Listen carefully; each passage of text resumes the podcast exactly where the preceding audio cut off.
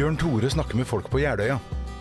En podkast fra Jeløykirken med sogneprest Bjørn Tore Pettersen.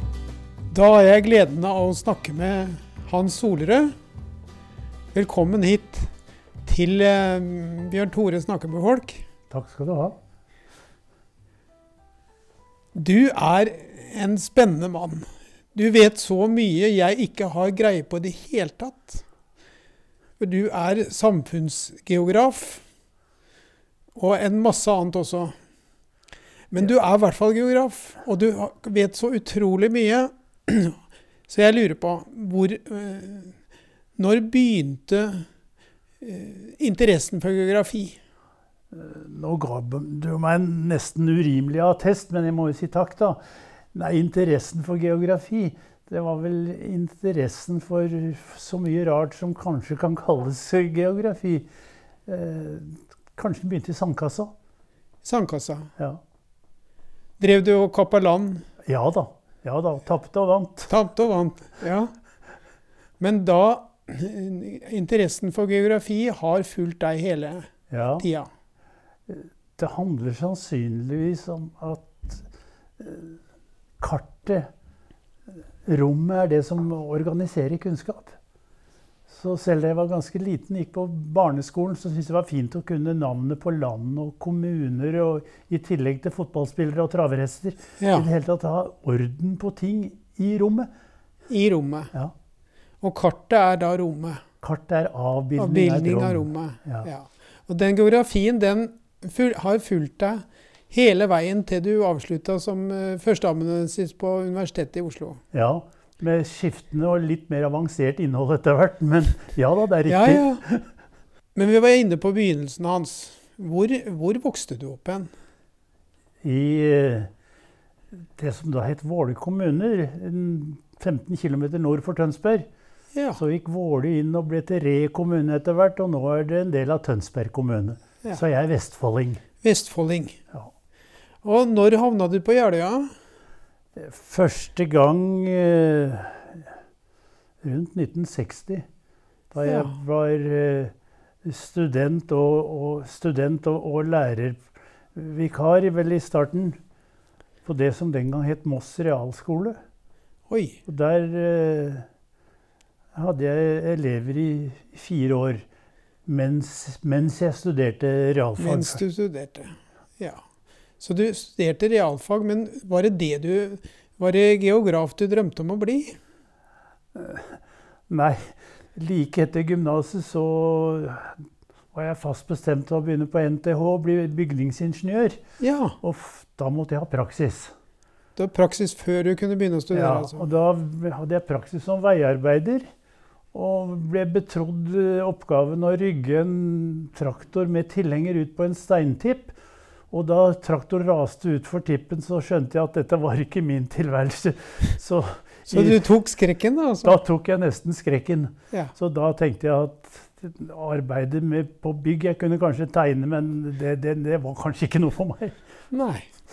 Så da begynte du med realfag. Ja. Og, og, og tok lærerutdannelse samtidig. Ja. Slik at jeg hadde noe slags pedagog, litt pedagogikk å fare med. Ja. ja. Men du er veldig opptatt av, av at pedagogikken også må følges av kunnskap. Ja, pedagogikk uten et faglig fundament er for meg relativt urimelig. Ja. ja. Men veien gikk til universitetet og studier og lærerjobb i Moss. Ja. Eh, og så, men men du, forts du fortsatte på universitetet etter hvert? Ja, jeg var så heldig at jeg fikk et stipendium i på mitt, ja, Et stykke ut i studiet fikk jeg et stipendium før jeg var ferdig Ja. på Transportøkonomisk institutt. Og da lærte jeg mye rart som eh, var nyttig for en geograf. Ja. Jeg var der et år.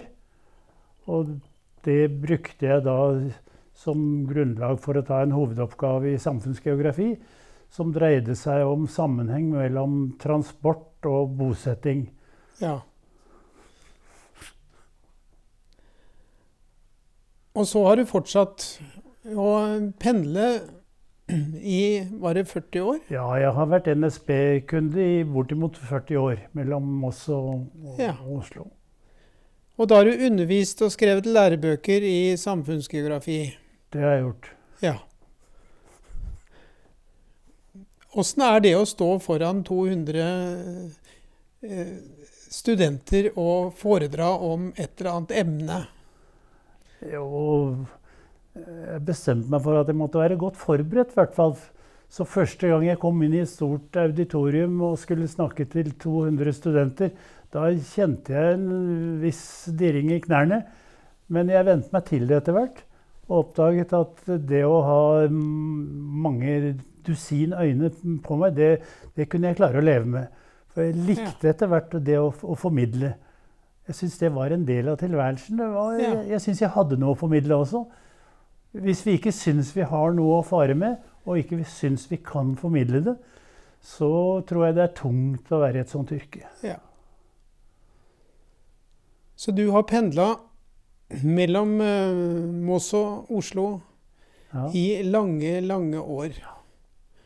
Og undervist. Eh, Men du har også, også en eh, Du er også veldig godt kjent i denne kjerka her. ja. Eh, Jeg har sunget i Moss korforening siden ca. 1990. Ja, det er jo en stund siden. Det er nokså lenge siden. Da, kom, da hadde jeg riktignok vært med i skolekor og sånn tidligere, så jeg visste litt om eh, hva det var å være korist. Men eh, overgangen fra å stå foran og være beglodd av mange, mange, mange par øyne Da var det greit å være en liten del av en masse i et kor, for da ser man på hele koret. Og da er du bare en liten brikke. Det var en behagelig overgang. Så du har veksla mellom å stå i sentrum for oppmerksomheten og være en liten brikke, som du sier. Ja, jeg liker begge deler. Du liker begge deler. Ja. Er det det som er det fine med å synge i kor? Ja For det første handler det nok om musikk. Du må like musikk, Ja. og du må like den samklangen som du er en del av. Og du må ha et visst forhold til det du synger. Og jo større repertoaret er, jo bedre er det. Så overgangen fra å synge om Dakota-kallet i Jeløykameratene og tilbake til å stå og synge eh, et, et av de store oratoriene, det, det, det, det er to sider av samme sak. ja. Men det er veldig forskjellig. Veldig forskjellig, Ja, men det er en del av verden. det er en del av verden. Og verden har du vært opptatt av. Ja. Eh, Når du ser eh, jordkloden utenfra Ja. Vi kan jo det etter at astronautene har vært oppe og tatt bilder. Men eh, hva, hva, hvordan tenker du om jordkloden? ja, det er jo en del av geografien. Ja, Det er Vi kan godt definere geografi som det faget som handler om hvordan mennesker tilpasser seg og skaper varierende livsmiljøer. Hvordan, man, hvordan vi skaffer oss ulike vilkår for å leve på denne kloden. Vekselvirkning med andre. Vi snakker om menneskers horisontale bindinger, hvis vi ser historisk på det. ja. I naturalhusholdningens tid var vi avhengig av det vi gikk tråkka på, hadde, hadde rundt oss, oss. Men etter hvert så var de vert er de vertikale bindingene blitt viktigere og viktigere. Bonden måtte få subsidier utenfra. Og, For å fortsette. Og, og kanskje kjøpe kunstgjødsel og såkorn, Ja. men var avhengig av et marked. I det hele tatt, De horisontale bindingene er blitt viktigere og viktigere. Spennende. Ja. Men det er, det er eh, kartet som jeg eh, forbinder med geografi. ja. Det, det er eh, Det er bildet av virkeligheten. Eh, og hvis du ser på jordkloden, så blir det et lappeteppe da, ja det blir av lappeteppe. forskjellige Ja da. Å snakke om hele verden, det kan vi gjerne gjøre. Men når vi ser på denne hele verden, så er den ruta inn i tusenvis av administrative områder med ulike muligheter og ulike forutsetninger og vekselvirkning mellom alle disse områdene. Ja. Vi kaller det land. Vi kaller det land, ja. Men eh, befolknings... Eh, du har skrevet om eh, demografien og befolkninga i, i eh, verden. Og for noen år siden så var det jo sånn at eh, vi fikk vite at nå ble vi altfor mange. Holder det fortsatt? At vi er redd for det? At det er mulig å brødfø oss på denne jorda? Ja, det var det store spørsmålet for en, noen tiår siden. At uh, befolkningsveksten var så rask. Man kalte det befolkningseksplosjon. Jeg tror nok utviklingen senere har uh, gjort det bildet mindre sannsynlig. Denne eksponentialkurven som vi holdt oss til tidligere, den er gått over til å bli, et, bli en liggende S, som det heter. Den knekker Det flater ut nå, og altså. flater ut. Ja. Men eh, det betyr ikke at de kanskje 10-11 milliardene vi blir på kloden om, om, noen år, da lever ikke vi. Men eh, det kan bli tunge vilkår. ja. Så det vi må gjøre som, som demografer, det er å se hva er det som fører til befolkningsvekst. Ja. Og det jeg har studert, det er hva skal vi kalle den demografiske hovedformel. Hva, hva med fruktbarhet og fødsler? Hva er det som styrer den mekanismen? Hva med dødelighet og dødshyppigheter? Hva er det som styrer det? Er det demografiske forhold, eller er det samfunnsgitte økonomiske, kulturelle forhold? Og så er det vekselvirkningen mellom biologien og samfunnet som er med på å forklare. Og i tillegg til disse grunnleggende størrelsen, fødsel og død, Mm. så har vi muligheter og beskrankninger og hindringer for bevegelse på kloden. Kall det migrasjon. Og migrasjonsstrømmene er med på å utjevne befolkningsfordeling. ja. Og det har jeg studert i nokså mange år. Og skrevet litt om. Ja. Til og med skrevet om, eh, om eh, de altfor høye estimatene for hvordan Moss skulle vokse. Ja, det har jeg, har jeg gjort. Det husker jeg. Ja. Det var, det var noen eh, lokale medarbeidere i, eller bidragsytere til Moss Avis som hadde de underligste forestillinger om befolkningsvekst, som jeg syns jeg måtte kaste meg inn i, Ja. og fikk kjeft for det. Ja, ja. Men Men eh, du har jo også gått her i, eh, i Jeløy kirke og sunget. Og vært del av forskjellige kor og fellesskap. Eh, Og hva er da blitt ditt forhold til Gud? Ja, som det, eh, dette huset er bygd for å tjene? det, er et, det er et veldig godt spørsmål.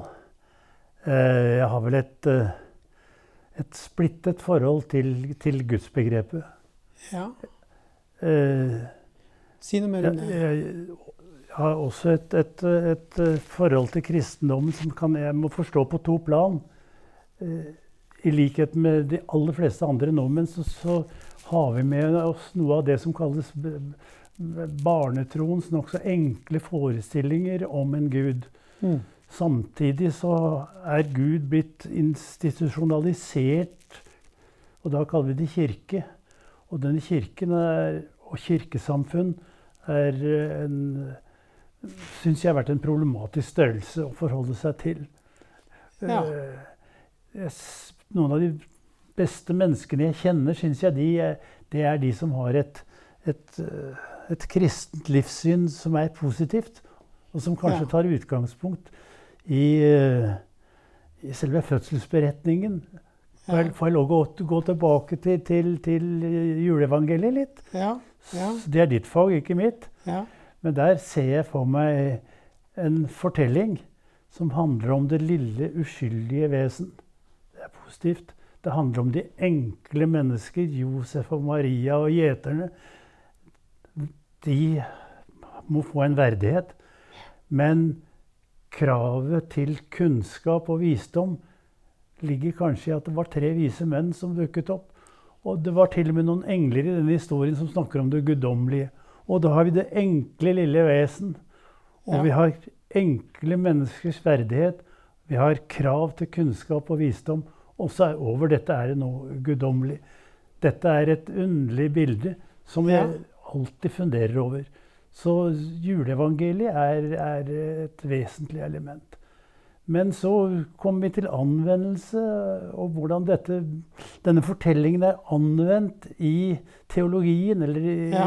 og, og, og der syns jeg møter mye problematisk. For tanken, For tanken, ikke eller minst for for tanken. Fordi som voksne mennesker så må vi leve med eh, noen grunnleggende forestillinger som vi er oppvokst med. Og så etter hvert som menneske med utdannelse og kanskje en akademisk tilnærming til tilværelsen, så stiller vi noen krav av og til til resonnement og holdning og, og, og forestillinger som vi møter. Og det syns jeg er både interessant og utfordrende. Jeg kan godt si mer om det. Ja, si mer om det. Ja. Eh, jeg var på et møte for noen år siden, jeg tror det var enten her i kirken eller var et annet sted, hvor eh, en kollega der snakket om eh, evolusjon. Mm. Og jeg syns evolusjonsteorien, eller teoriene, er et elegant eh, naturfaglig, logisk byggverk. Og jeg kan ikke skjønne at enkelte kristne blir så voldsomt provosert av det. De må heller være imponert av naturvitenskapen. For det er ingen naturvitere som hevder at slik er det. Men de sier at slik kan det være. Og da syns jeg det er problematisk når noen kristne enten går fullstendig i baklås når de møter en sånn fortelling, eller et,